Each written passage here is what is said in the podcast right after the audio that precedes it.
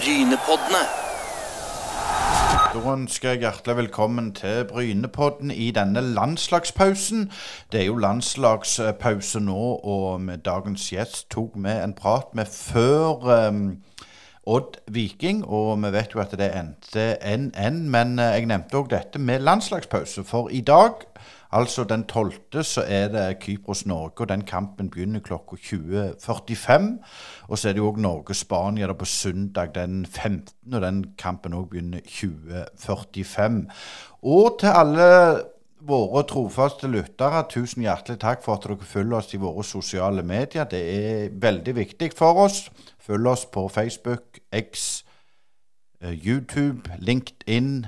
Instagram bl.a. Og vi har vips nummer som 610828. 610828.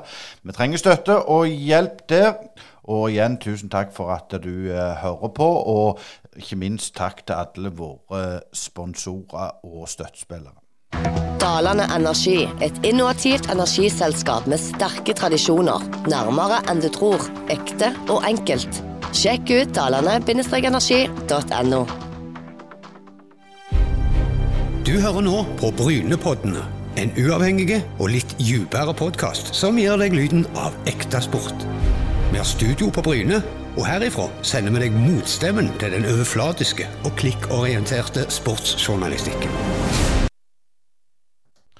Brynepoddene er på uh, gang igjen etter en liten reklamepause. Og vi har selvfølgelig fått uh, Viljar Helland Vevatn i studio. Og Viljar, vi må jo først innom denne fantastiske sesongen dere har i, i Viking. Og eh, selv om du er litt småskada akkurat når, når denne podden blir, blir sluppet, så har det jo vært et eventyr.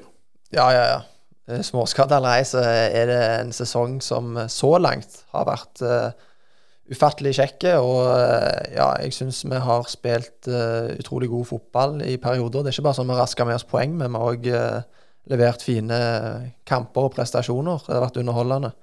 Uh, ja. Men jeg tenker litt sånn som du ser fjorårssesongen, fjor høst spesielt. Det gikk jo veldig dårlig.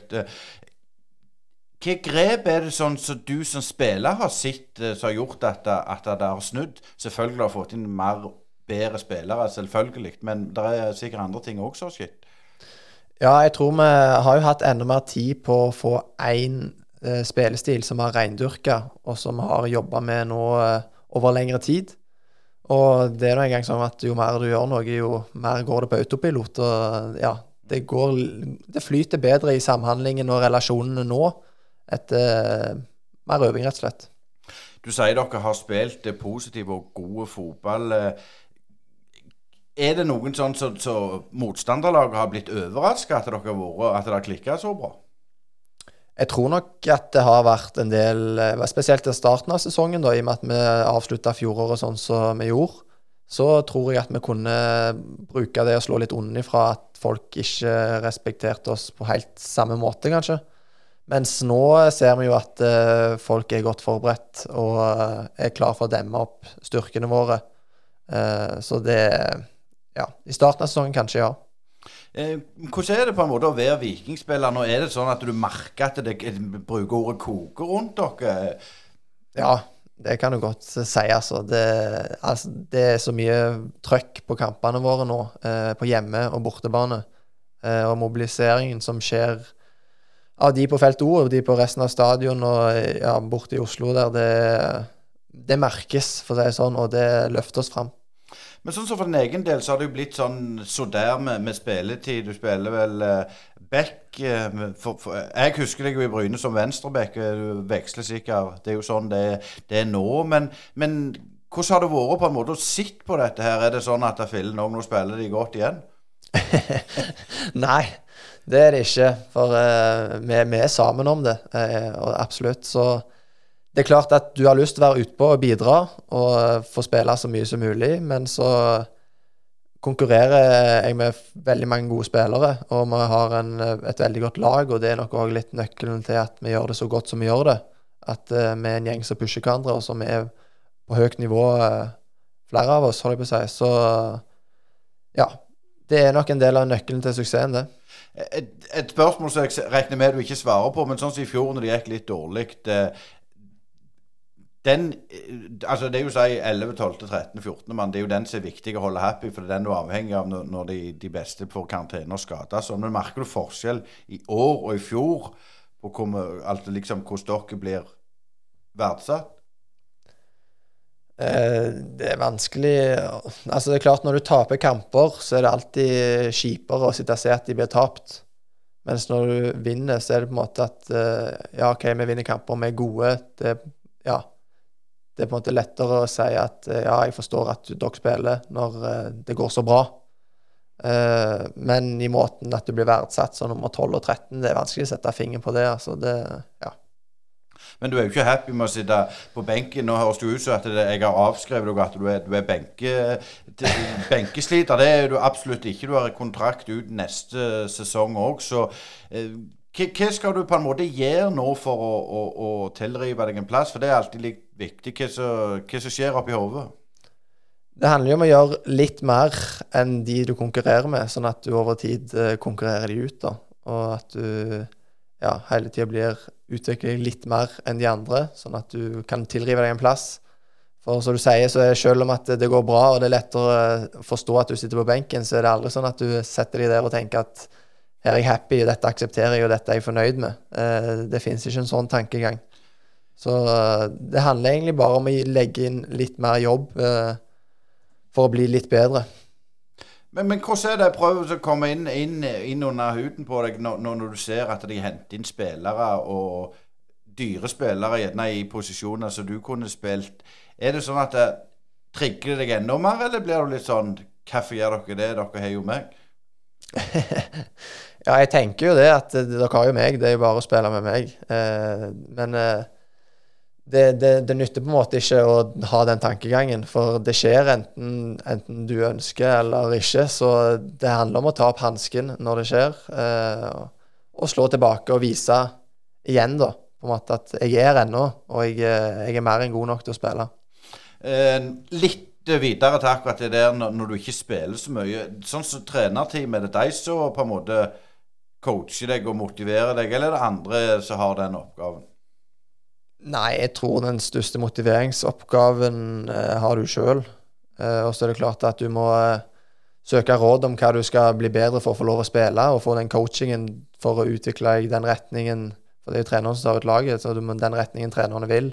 Men selve motiveringsjobben, den uh, føler jeg ligger som regel i dine egne hender. Men det er klart at uh, du, får, du får litt motivasjon fra både trenerteam og lagkamerater og det som er i tillegg. Men, men, nå har jo jeg eh, og vi som har vært med rundt podden, spilt fotball sjøl, eh, riktignok på et lågt nivå. Men det å være eh, Altså, du må jo være mentalt sterk når du er på så høyt nivå og er så god og allikevel ikke spiller. Det, det, det, må jo være noen perioder der det er litt tøft òg? Det er uten tvil. Det, det er klart at vi, vi, spiller fotball nettopp for å springe ut på banen og gjøre det. Mm. det er ikke sånn at jeg tenkte jeg skulle bli fotballspiller for å sitte på benken på SR-Bank. Eh, så det, det, er klart at det, det er utfordrende, og det, det, kan være tungt å stå i perioder. Eh, men det er på en måte ikke noen annen utvei enn å kjempe og stå på. Og det er på en måte den erfaringen jeg har gjort gjennom min karriere, at motgang kommer med jevne mellomrom. Eh, og da handler det om å stå i det, for det snur såpass fort at på den andre sida kan det være veldig lyst, og da må du være så godt rusta og så klar som du kan være, eh, rett og slett.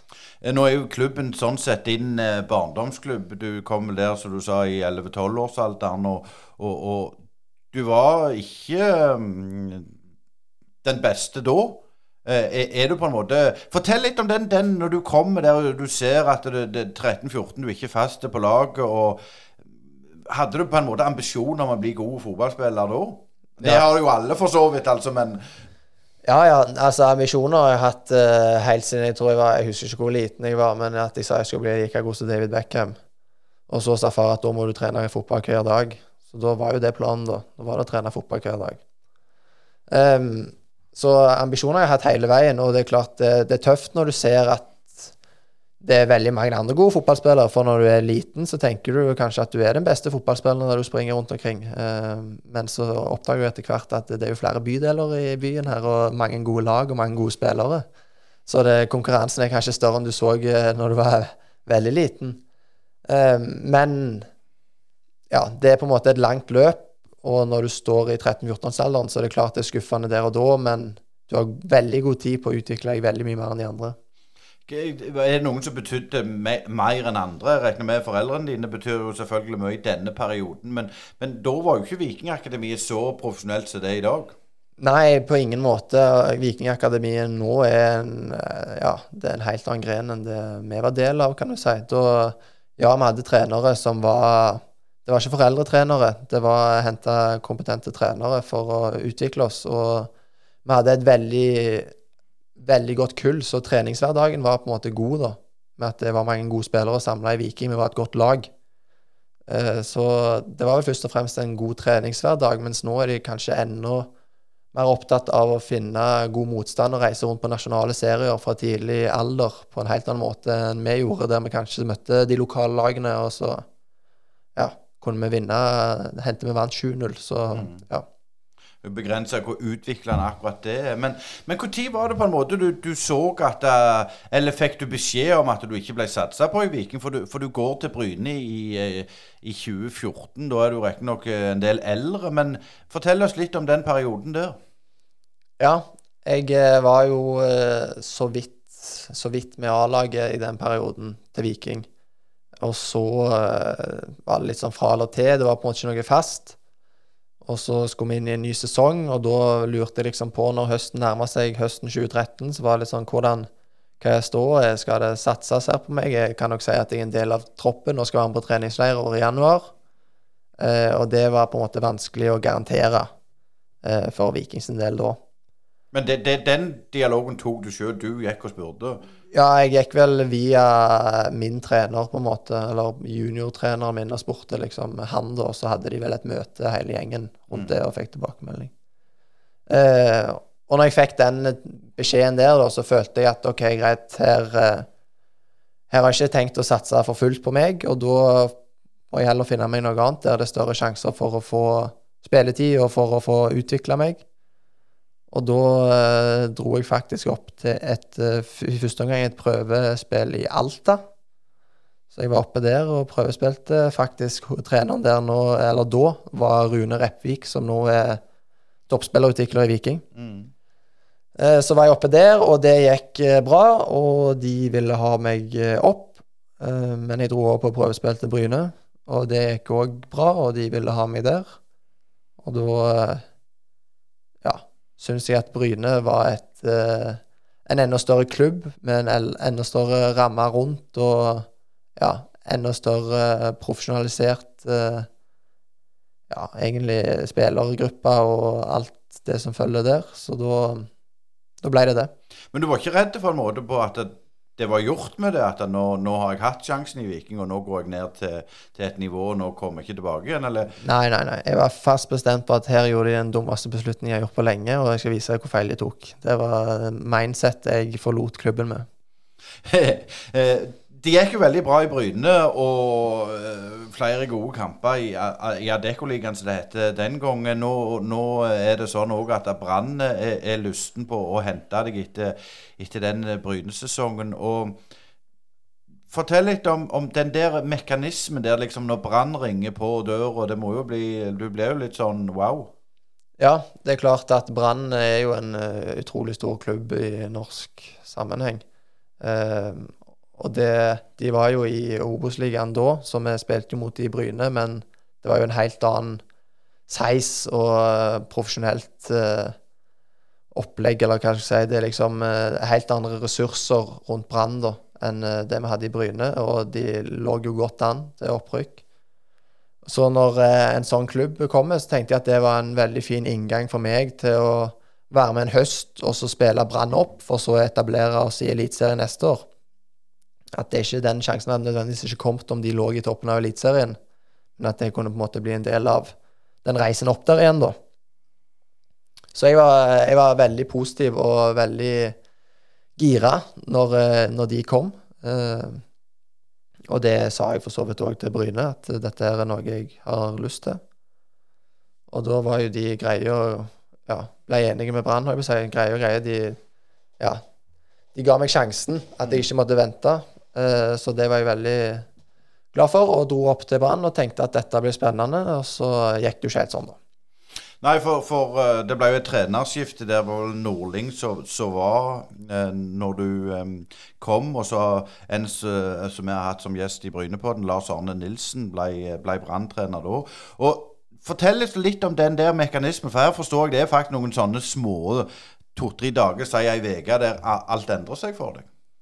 Ja, jeg var jo på en måte Jeg gikk vel til Brann i august eh, i 2015. Eh, men jeg var jo, var jo, på en måte bevisst over deres interesse allerede fra juni av, kanskje, eller noe sånt. Det var tidligere på året at jeg visste at de var litt eh, fulgte godt med, da. Eh, men så, i den perioden rett Jeg vet ikke om det var juli eller slutten av juli, eller noe sånt, at det trenerskiftet skjer, da. Eh, men de vil fremdeles ha meg, eh, selv om det er en ny trener. Så da Ja. Da, da tenkte jeg at dette her er på en måte Det skal gå bra. Jeg er gira. Jeg har tro på at det blir et spennende prosjekt uansett. Eh, men så, som du sier, så rett etter jeg på en måte signerer og er klar, så går det bare noen dager, og så signerer de en annen venstreback, eh, som da var min måte, posisjon da, det jeg spilte aller mest. Og da var jo på en måte han siste spilleren henta av treneren, da, mens jeg var jo kanskje litt på vei allerede. med Først og fremst etter sportsdirektørens ønske, og ja, kanskje òg forrige treneren, det vet jeg ikke. Um, så da, ja ble det at jeg fikk spille komme, etter, etter jeg ble signert, kom jeg inn som kant på den første kampen. Så starta jeg neste kamp som eh, venstrekant. Og etter det så var det jo var det null spilletid, da. Men er det noe du merker som spiller når du er på trening, at ja, nå kan vi jo bruke Lars Arne så lenge han har vært i poden her, at nei, han, han ser etter andre kvaliteter. Han ønsker ikke å bruke meg. Merker du det ganske fort? Eh, du merker det ganske klart hva som skjer når den første prioriteringen blir gjort. Altså når vi står med samme utgangspunkt, og så velger han meg som venstrekant og Ruben Kristiansen som ble signert som venstre back. Da på en måte merker du at OK, her, her har han gjort sine tanker og velger å gå for denne her. Og så går vi jo inn eh, den kampen Jeg husker ikke helt hvordan den kampen, men den høsten så slapp nesten ikke inn mål i Brann. Og da er det sjelden du endrer på forsvarsfireren. Så du, ja, du sitter jo på en måte med en følelse av at uh, det skal skje noe for at du skal få sjansen, men det kan de jo gjøre ja, over natta, på en måte at det kom en skade, og du får muligheten. Uh, men så kan det òg ikke skje. Og det skjedde ikke. Uh, så da ble jeg sittende, stort sett. og ja. Men det er klart, du, du spiller jo toerkamper og, og, og, er i tropp og, og, er i miljøet. Men dette var vel den første på en måte skikkelige motgang du hadde som fotballspiller? Ja, det var den første motgangen jeg hadde på proffnivå. Altså fra jeg ble eh, senior. Mm. Eh, for Bryne var stort sett medgang fra Altså, jeg starta første seks kampene i Bryne på benken. Så det var ikke sånn at jeg fikk en startplass der. Jeg måtte kjempe meg til det, og i god konkurranse der òg. Eh, men fikk muligheten etter hvert. da. Men var, da var det skikkelig motgang, altså, når jeg kom til Brann. og var ganske langt ifra laget, følte jeg etter hvert. Men da er det liksom igjen, da. Hvordan er det de mekanismene oppi hodet ditt? Klarer du tenke at nå, nå er, kommer muligheten, nå kommer muligheten? Har det dialog, eller er det sånn at uh, du bare distanserer deg på en måte ifra det og, og gjør så godt du kan? Nei, det, det, er litt opp og ned, da. Enkelte dager så er det veldig lett å tenke at det skjer hva dag som helst. Eh, og nå, det kan skje i morgen. Nå er det bare å gi gass. Du har aldri vært så nærme. Mens andre dager så føles det som at det Ja, himmelen skal settes i bevegelse før, det, før du får sjansen, holdt jeg si. Så, ja. Men men må prøve å komme litt der med, med, med tanke på, på, Det sa jo, eh, det sa jo uh, Bjarne Berntsen til oss, at når Landu gikk fra Sandnesulf til Bryne, så fikk de tilbake den gamle Landuen han begynte i Bryne, for det var en annen posisjon. Og det bekrefter jo både, både Knappen og Berntsen. Er det litt sånn her òg at, at, det er vanskelig for en fotballspiller å, å på en måte akseptere at det, sånn er det? Det er vanskelig å akseptere at du bare det, det er ikke akkurat noe du skal akseptere heller, at du bare skal sitte og vente på sjansen, for du jobber jo hele tida for å bevise at du er god nok. At det trenger ikke skje noe Det trenger ikke skje en skade for at du får sjansen. Du kan på en måte vise gjennom treninger at du er god nok, og den biten der, men så Realiteten fra mine erfaringer er jo at eh, så lenge på en måte spillerne gjør det bra, og du har et lag som gjør det bra, så ønsker du ikke å rocke for mye med det. Uh, og at du gjerne står med det laget som presterer. Uh, og spesielt med forsvar. Ja, for Brann presterte jo i denne perioden. Brann presterte veldig bra. Jeg konkurrerte med ja, Ruben, som gjorde det veldig godt. Og de slapp nesten ikke inn mål. Og Lars Arne var jo en, på en måte opptatt av å være gjerrig lag og, ikke slippe inn mål, og heller skåre ett enn å skåre tre og slippe inn ett. Uh, så han sto på en måte med det laget som gjorde det godt. Uh, som på en måte er helt naturlig i fotballen. Eh, men du, du, du, er litt utålmodig der òg. Et år, og så er det, er det over til, til Sandnes Ulf. Er du en bedre fotballspiller når du kommer til Sandnes Ulf, eller når du forlot Viking i den perioden i, i både Bryne og, og Brann?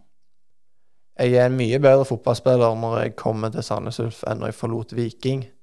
Men om jeg er en veldig mye bedre fotballspiller når jeg kommer til Sandsulf versus når jeg forlot Bryne, det, det kan nok diskuteres. For denne sjøltilliten jeg spilte med i Bryne, eh, den hadde jeg ikke når jeg kom til Sandnes Ulf. Eh, og ja Det har utrolig mye å si i fotballen, da.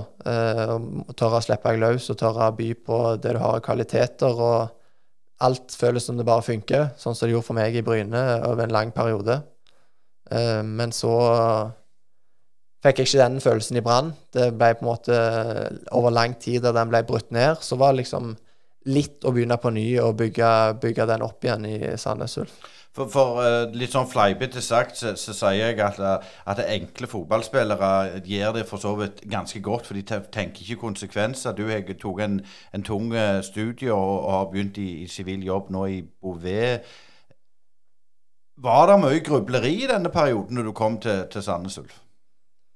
Det var vel Altså, jeg tenkte jo at fotball var ikke så veldig gøy sånn som så jeg holdt på i Brann. Det tenkte jeg, men jeg var aldri der at jeg skulle gi meg. Eh, det var jeg ikke. Eh, men jeg var glad jeg hadde studier på sida. At på en måte ikke fotballen ble altoppslukende. For da var, akkurat da var fotballen en del negativt, så at jeg på en måte hadde noe annet å lene meg på og uh, bruke hodet og nøtter på sida, det var jeg veldig glad for da. Så det har jeg på en måte ikke angra på. Men den Sandnes-tida di, den ble jo òg positiv og mye bra, bra som skjedde. Ja, det var, det var, en veldig fin periode. Jeg fikk eh, veldig mye tillit som jeg eh, trengte, og som gjorde at jeg på en måte igjen eh, utvikla meg, og det gikk rette veien. Så jeg følte at der fikk karrieren min litt tilbake på kjølen igjen. Og ja, var på vei opp og fram igjen, og ja, fotball var, fotball var gøy. Eh, men, men det, vi må ikke snakke så mye om Sandnes-tida, for, for, der var du ikke så lenge. Det ble to, to sesonger, vel, og, og, da er det Viking som kom på banen igjen. Og Hadde du trodd det, eller tenkte du når du reiste ut første gang at her kommer jeg aldri igjen?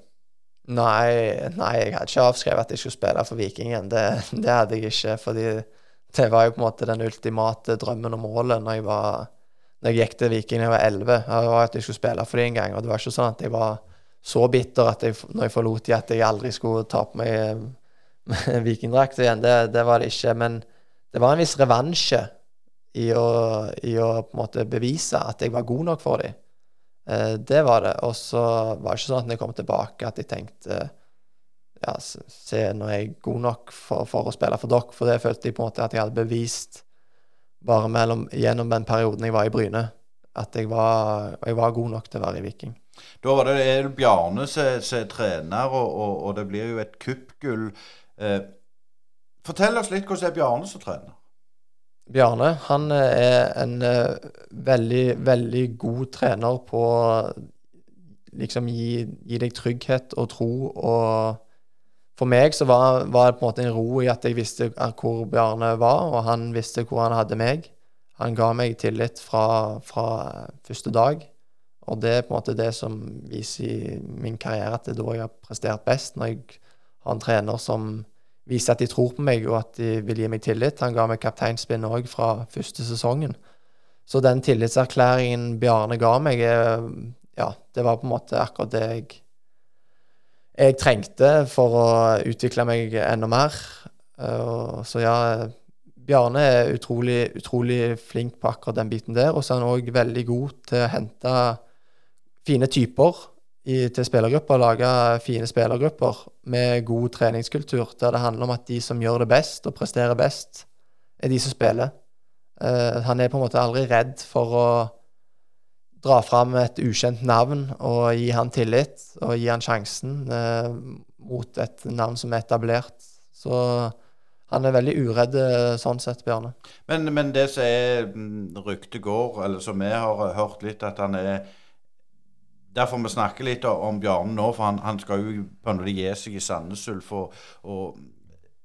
men han er òg sikkert beintøff, altså som du sier. at uh, det er ikke noe sånn uh, hvilehjem på treningene. altså Om du er etablert og ikke gjør jobben din, så, så, får du høre det. Ja, han er veldig tydelig på at uh, her er det én ting som gjelder, og det er 100 uh, Og ja, bånn gass. og de kravene stiller han at hvis du ikke gjør det, så ja, så har ikke han så lyst til å bruke deg, på en måte. Så det Ja, det er ikke noe hvilehjem. Du skal, du skal være på, og du skal gi alt, men det er på en måte det som har vært kanskje mitt motto òg under det jeg har holdt på med i min karriere. Det er at du skal gi det jeg har, og ja. Men, men det som vi snakket med, med Tor André Flo, og han er jo trener for, for Sogndal. og han nevner jo det at, at unge gutter i 16-17-årsalderen er så utålmodige og på en måte så soft. Merker du det i Viking òg? Nå er jo du en av de etablerte, de unge som kommer opp. Er det forskjell på deg i forhold til når du var unge? ja, det er jo fare for å bli han der gamle grinebiteren i garderoben her, da. Nei, eh, jeg tror de unge som kommer opp nå, er de framstår i hvert fall som mer sjølsikre og mer klare til å ta plass fra første øyeblikk. Eh, der vi gjerne lister oss litt inn i garderoben og nikker litt med hodet for å si hei og liksom eh, Ja. Så er de som kommer opp nå, kanskje allerede der vi brukte et halvt år på å komme. Og det tenker jeg egentlig kan være en positiv eh, ting for å kjappere etablere seg i et A-lagsmiljø. Men det er òg det med det, den der dårlige tida. Litt sånn som din karriere òg. At du, du, du, når du ikke spiller, så sier du her kan ikke jeg, jeg må ha spilletid. Men hvor viktig er det egentlig å ha spilletid? Altså, du, du kan vel gå når du er 17-18-19 år og ikke spille så mye, men at du spiller når du er gjerne 2-23, eller, eller er det ikke sånn? Jo, altså absolutt. 17-18-19 så uh, mange slår ikke gjennom før de er gått opp i 20-årene. Så du er tidlig i utviklingsfasen da. Uh, men du er, du er, avhengig av et godt uh, treningsmiljø og et, en, god, en, god treningsarena. Og ja Aller helst så ser jeg at du skal ha en bra kamparena òg. Eh, men for meg, som jeg sier, så er det først og fremst det når jeg ikke har vært på laget, så har det vært Hva skal jeg si en manglende følelse av at jeg var tro på at jeg kunne bli en del av laget, og at jeg eh, kom til å få eh, At den var på andre sida. Og da kan du si at jeg har vært utålmodig. Eh, det kan godt hende at jeg har vært. Men så vet jeg på en måte ikke om hvis jeg hadde stått i de tre år, om det hadde vært Si når jeg var i Brann, da. Mm. Hvis jeg hadde stått i tre år istedenfor ett år, om de to siste årene har vært to år til med på en måte tilbakesteg, eller om det hadde vært tillit og utvikling på samme måte som jeg gikk av å gå til Sandnes Ulf. Det, jeg tror ikke akkurat det der og da, da. Nei, for Du sa jo at du ikke var fast når du var 13-14 år, men allikevel så var det jo Du har jo en del U18- og U19-landskamper, så, så, du var jo veldig god veldig tidlig. Er du glad du fikk den motgangen i Brann, og ikke på en måte fikk den når du var enda eldre? Ja, jeg, jeg tror det er veldig sunt å møte motgang. Uh, helst jo før jo tidligere. Og som du sier, så var jeg utviklet, eller jeg var langt framme når jeg var 18-19, men jeg kom aldri med på noe kretslag når jeg var 16. Så det skjedde på en måte en del på de to årene fra jeg var 16 til jeg var 18. Ja, jeg fikk i hvert fall sjansen, da, kan du si, til å vise at det hadde skjedd en del. Mm. Uh, så det, det har gått litt veldig sånn i, bø i bølge, bølger, holdt jeg på å si. Litt opp og litt ned. Og det var ikke min første nedtur i Brann. Eh, jeg syns det var tøft når eh, seks stykker på laget dro på kretslagssamling, eh, og jeg røyk ut på sonesamling, for å si det sånn, da. Det syns jeg. Men det var klart at det var ikke motgang i den forstand at du var skada i to år. Det er folk som har mye mer motgang enn meg i tidlig alder. Det er på en måte ikke Jeg skal ikke skryte på meg som voldsomt eh, sånn sett, det skal jeg ikke, men jeg har måttet kjempe for, for en plass. Eh, ja, når vi begynte på videregående, så fikk alle lov å trene med juniorlaget utenom to stykk. Og Det var meg og Birger Meling. Eh, resten ble tatt med på juniorlaget. Og så er jo resten historie, da. Så altså, det, det er jo det, Ja, da kan du begynne å stille spørsmål om de som tok det ut, da. Men, men det kan jo være at det er ting som trigger dere når dere blir at nå skal dere pigge det vise. Absolutt, og det, det er jeg 100 sikker på at det gjorde. Så at det at jeg møtte motgang tidlig, kan ha vært sunt. Og at det har gjort at jeg har kommet lenger enn hvis jeg bare hadde fløtet med fra tidlig alder til jeg var 23, og så plutselig ikke fikk spille, på en måte. Men vi må innom denne cuptriumfen. eh, Det er jo ikke alle som er forunt å, å, å bli cupmester. Fortell oss litt. Dra oss gjennom en dag. Hvordan, hvordan er det? En dag som cupmester? Nei, det var jo eh, Det var på en måte et voldsomt kjør i forkant, men jeg husker liksom hvordan vi skulle forberede oss best mulig, og at liksom nå skulle vi gjøre allting rett. sant, og vi skulle Plutselig skulle vi få dresser, sant? for vi skulle ikke reise på cupfinale uten dress. Vi har jo reist i joggedress hele året, men nå var det liksom skikkelig dress og greier. Og så jeg skjønte jo på en måte at det var noe stort på gang her. Eh, men det var liksom den kvelden før vi var nede i Spektrum, og det var Jeg vet ikke hvor mange tusen det var der, men det var jo fullt eh, Spektrum, Oslo Spektrum der. Det var da du på en måte virkelig så at OK, det her det her kommer til å bli helt sinnssykt. Og det gjorde det. Så eh, en cupfinale, det Alt liksom bygger seg opp til den ene kampen, og akkurat det de situasjonene der og de 90 minuttene, så det er på en måte en sånn helt vill eufori når du lykkes. Eh, og du på en måte For hvis du taper den cupfinalen, så selvfølgelig du sier til seg sjøl at ja, men det var en fin opplevelse. Men alt bygger seg opp til det han blåser av fløyta, om du har vunnet eller ikke. Så det å Men Husker du noe av selve kampen? Hvem spilte dere mot? og? Det regner jeg med du husker, men, men er det bare, eller blir det helt svart etterpå, når du vinner? Nei, jeg er så dårlig på å huske alle kamper jeg har spilt, jeg. Men eh, akkurat den eh, Jeg husker på en måte at vi følte oss litt shaky fra starten. Det var liksom litt sånn uh, ymse start der, men så var vi inne på noe, og så ja, skårte vi et mål litt ut av ingenting, og så ebba det ut. For det var jo ikke akkurat noe severdig finale, såpass ærlig må man være. Det var en egentlig ganske kjedelig fotballkamp.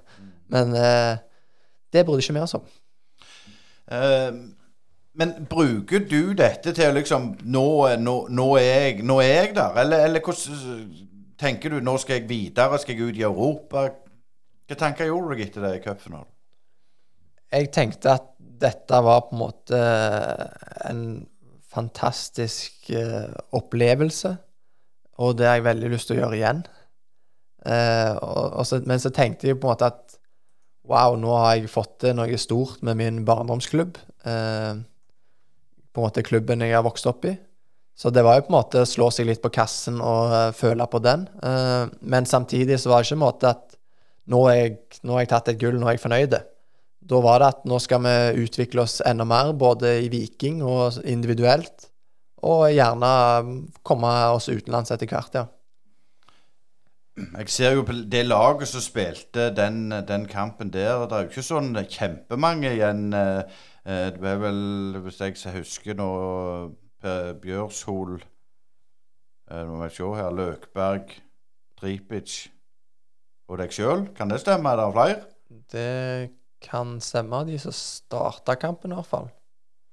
Eh, litt, jeg husker ikke helt. Vi hadde vel en eh, Kanskje et par på tribunen. Altså Harald har vært der ganske lenge. Ja. Det er farlig å begynne å nevne noen nå, for da glemmer jeg det. Ja, det er jo akkurat det. Men, det men du, husker du at du fikk gult kort, da? Nei, gjorde jeg?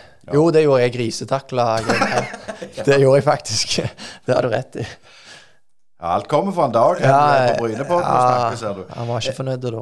Eh, Men, men sånn så videre nå, Vilja. Nå, nå er det, det er jo gullkjør eh, for Viking. Det er jo ikke tvil om annet. Og er det òg litt på en måte litt stressende, dette? Har dere alt å tape, eller har dere alt å vinne? Nei, jeg tror du vet hva jeg svarer på det. For uh, vi, vi, på en måte, vi har ikke vunnet noen ting ennå. Og selv om vi har satt oss en plass der vi har muligheten til å vinne, så er det ja, en førsteplass i oktober er liksom null verdi. Det er ingen som går og teller de uh, om ti år. Så vi sitter med følelsen av at vi har alt å vinne, og at her er det muligheter, og vi skal gjøre alt vi kan de siste månedene for å, for å gjøre det. Sånn at hvis vi ikke da klarer det, så har vi i hvert fall gjort vårt beste. Eh, det er gode lag vi konkurrerer med, så det er, ikke- det er ikke sikkert at vårt beste holder, men vi skal i hvert fall gjøre vårt beste. Eh, Men for din del, eh, nå, nå går jo kontrakten ut neste år, selvfølgelig. Hva du har lyst til å oppnå, hvis vi tenker litt drømmer her nå? Nå må du bare snakke i store bokstaver. Hva, hva du har lyst til å oppnå med fotball? Jeg har, har jo veldig lyst å oppnå et seriegull med Viking. Eh, det, det tror jeg hvis du spør alle i garderoben, har veldig lyst til å oppnå det. Eh, men så har jeg òg alltid jobba for og hatt en drøm om å få prøve meg i en enda større liga. Så er det klart at sånn denne sesongen her har utvikla seg med spilletid, så er det ikke sånn at de ligger og venter på at eh, jeg skal si ja og hoppe på et fly utenlands. Eh, det er det ikke. Men eh, jeg har, har alltid jobba mot måte, neste steg, da. Og alltid utvikla meg enda mer. Og jeg har ikke slutta med det, så jeg eh, håper at jeg kan eh, få sjansen i en større liga etter hvert. Men eh, det er ikke akkurat noe jeg går rundt og tenker på i hverdagslige nå, da. Nå, hvis vi tenker litt sånn litt negativt nå, si, si hvis vi tar og snakkes om et år, og du har eh, ikke fått gull med Viking, da, for å si det sånn. Du, du har spilt lite. Hva tenker du da? Altså, det er jo hypotetisk, men, men Eller er det viktig å være i Viking, eller du- må du spille på det i din alder? Det er klart at hvis jeg hadde sittet et år på benken i en, ja, i en klubb en helt annen plass i landet, så hadde det vært eh, på en måte verre enn å gjøre det i Viking. For Viking betyr mer enn andre klubber for meg. Mm. Eh, mye mer. Så, så det blir veldig hypotetisk å se for seg at jeg ikke skal spille noe neste år, for jeg jobber mot at jeg skal spille masse neste år. Eh, og gjerne òg resten av høsten. Eh, så det, det blir vanskelig å sette seg inn i. Eh, jeg, Det skjer ikke så, rett og slett. nei, jeg har ingen planer om det. Men sånn videre en, gang, en gang så er det slutt med fotballen. Om du er 35 eller 40, det vet vi. Den veien går det. Eh, har du lyst til å, å, å, å jobbe innen fotballen som trener, som eh, daglig leder, eller eh, Du skal jo på en måte aldri, aldri avskrive noe. Det skal du ikke. Jeg har jo en erfaring på denne arenaen her eh, fra flere klubber, så jeg på at det er verdifullt inn mot en sånn stilling. Uh, men så har, jeg, så har du som jeg sier tatt eh, utdanning på sida, og uh, jeg tenker at det sivile arbeidslivet virker veldig spennende, det òg. Og jeg, måte, den dagen jeg skal inn i det, så gleder jeg meg til at det òg blir gøy. Jeg ser for meg at det Det var Veldig politisk korrekte svar her nå, hører jeg. ja, ja, men det, det kunne jeg sagt før jeg kom her, at jeg er- treffer som regel på det politisk korrekte. Nei, jeg, jeg Jeg tror at jeg kommer til å gå inn i et sivilt arbeidsliv og benytte utdanningen min der. Det er det jeg tror, men jeg avskriver ikke at det blir noe i fotball. Nei, for det, det er jo litt det så du, du, du kommer til å savne det. Det kan jeg si. Ja, det Det, det håper jeg, holder på å si. Jeg, for det betyr at det er noe veldig fint med fotballen, og det, det er det. Eh, Men jeg må bare helt til slutt. Nå, nå, når denne podkasten er spilt, eh, så er dere spilt mot Odd borte. Er det noe sånn du, ser noen sånne Oi, den blir tøff. Er dere sånn Leser dere tabeller, terminlister nå? For nå er det så spennende og jevnt at det, selvfølgelig gjør dere det. Ja, du, du sier det, med, og, men akkurat Og det er nok veldig individuelt i garderoben, altså. Men akkurat når jeg står og sier at uh, vi har fokus på neste kamp, så er uh, For å være helt ærlig så vet jeg ikke hvem vi møter etter landslagspausen. Jeg vet vi møter, som du sier, nå Odd. Akkurat spilt mot Odd når, vi, når denne slippes, da. Men ja, jeg, jeg, har aldri vært den som har gått og nilest terminlista framover. Jeg har tenkt hvem det er neste kamp. Eh, og det tror jeg det er en grunn til vi sier det òg, altså. Jeg tror det er greit. Så det, det er faktisk ikke kødd. Men jeg har ikke greie på terminlista resten av sesongen, nei. Men eh, vi må, må, snart avrunde her, eh, Viljar. Du har eh, en far fra Etne og en mor fra Ølen. Og snakket litt før vi gikk på her at det, eh, det var ikke noen sånn veldig eh, idrettspersonlighet da det er. Faren skrøtte vel litt at han hadde noen, noen kamper. Så, men hvem tror du du har dette go-en og talentet ifra? Jeg har alltid på en måte fått vite fra jeg var veldig liten at jeg kan få til det jeg vil. Så jeg på en måte alltid fått bygd opp en selvtillit og en tro på at jeg kan oppnå det jeg vil. Uh, og jeg fant på en måte tidlig ut at fotball var noe jeg syntes var veldig kjekt, og det jeg ville. Uh, og da har foreldrene mine egentlig bygd opp under den troen at jeg kan få det til hvis jeg vil. Men det krever sitt. Men jeg kan få det til. Så det er vel egentlig den innstillingen som har eh, drevet meg framover, tror jeg. Det du sier, at du tror at alle kan bli så gode som deg sjøl, bare de vil nok og trener nok? Du er klart at jeg har sikkert vært heldig med noen fysiske forutsetninger, og så har jeg vært uheldig med noen. Jeg har ikke, jeg har ikke den mest Altså, jeg, jeg, jeg kunne plukke andre an, andre sin fysikk og heller ville hatt den på en fotballbane, for å si det sånn. Det, det er ikke vanskelig å finne de. Uh, men jeg har hatt en fysikk som har sine fordeler, og jeg har uh, på en måte pusha den til å gjøre det beste ut av den. Uh, og det er ikke sikkert at alle hadde kommet så langt hvis de gjorde akkurat det samme med sine fysiske forutsetninger. Mange får på en måte problemer med skader, at de pusher det for langt. Uh, og der har jeg vært heldig. Jeg har hatt veldig lite skader opp gjennom, opp gjennom årene. Så det er selvfølgelig mye marginer som har gått min vei. Det, fotballen er ufattelig små marginer, syns jeg, om du spiller i egentlig i tredjedivisjon eller om du spiller i Eliteserien. Det går mye på hodet og hvor mye du er villig til å ofre for å legge i det. Men de fysiske forutsetningene er Ja, de er skeive, men du kan komme langt med veldig mange fysiske forutsetninger, tror jeg. Når du var inne på det med Du var kaptein under Bjarne, nå er du ikke det. Var det litt sårt? Eh, nei, altså jeg var veldig stolt over å bære kapteinspinnet. Uh, og jeg er fremdeles en del av kapteinsteamet. Vi er jo et team nå som mm. bærer det litt på Eller vi har våre faste kapteiner, men vi er et team som jobber sammen for dette. da. Um, så det er klart, det, det, gjorde meg veldig stolt. Sårt Jeg skulle jo selvfølgelig ønske at jeg hadde det. Det skulle jeg. Men så er jeg jo ikke i en posisjon der jeg spiller akkurat nå, så det er på en måte naturlig at jeg ikke har det òg. Så jeg vil ikke kalle det sårt, men ja. Jeg, jeg, på en måte Når det er Slatko som er en hærfører og går foran, som den personen og fotballspilleren er, så er det på en måte ikke noe sårt i at det er han som bærer det. Eh, det er det ikke, men jeg var veldig stolt når jeg bar det. Det òg var jo veldig politisk korrekt. Du er god på de der politiske svarene dine. Ja, jeg har, du skal ha det. altså. Avverger det meste. Ja, du gjør det. Ja. Um, men, men, siste spørsmål. Det er når du er, er toppspiller i Viking en av de beste i Norge i din posisjon. Du vet at du har gode sider, du har dårlige sider på banen. Er det sånn i hver treningshverdagen at du terper på det du ikke er god på, eller utvikler du det du er bedre på? Mm. Det er på en måte en god blanding, da. Det, du, du, prøver kanskje å være mer obs på ting du vil utvikle gjennom treningen. For det er ikke nødvendigvis at du på en måte gjør det etterpå, men underveis i treningen òg. At du fokuserer på det du skal øve på, det du skal bli bedre på. Så det handler litt om at du kanskje mer bevisstgjør det du øver på, også det du er god på. da, Det kommer litt mer naturlig. Det er ikke noe du bevisstgjør på samme måte. Um, men du er kanskje litt mer fokusert på det du vil forbedre. ja. I hvert fall er jeg sånn, da. Det får være siste eh, ordet, Vilja Helland Vevatnet. Og vi må bare ønske dere hjertelig til lykke med fortsettelsen. Det, det kan gå.